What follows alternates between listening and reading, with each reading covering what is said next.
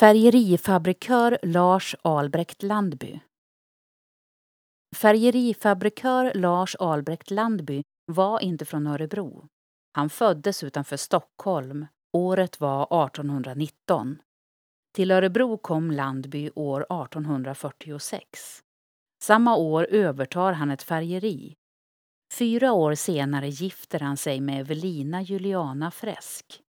De kom att få fyra barn. Den ödesdigra marsnatten 1854 blev färgeriet det första offret för eldens rov. Familjen kunde rädda sig tack vare Evelinas bror som vaknade i tid. Efter branden flyttar familjen till Kumla där Lars Albrecht startar ett nytt färgeri. 1858, bara 28 år gammal, dör hustrun Evelina Juliana. Några månader senare går Landbys färgeri i konkurs och Landby flyttar till Söderhamn. Där, på kvällen den 21 mars 1868, kliver han sönderslagen in på stadens poliskontor. Han berättar att han först blivit utkastad från en av stadens ölhallar, sedan misshandlad av ägaren till hallen.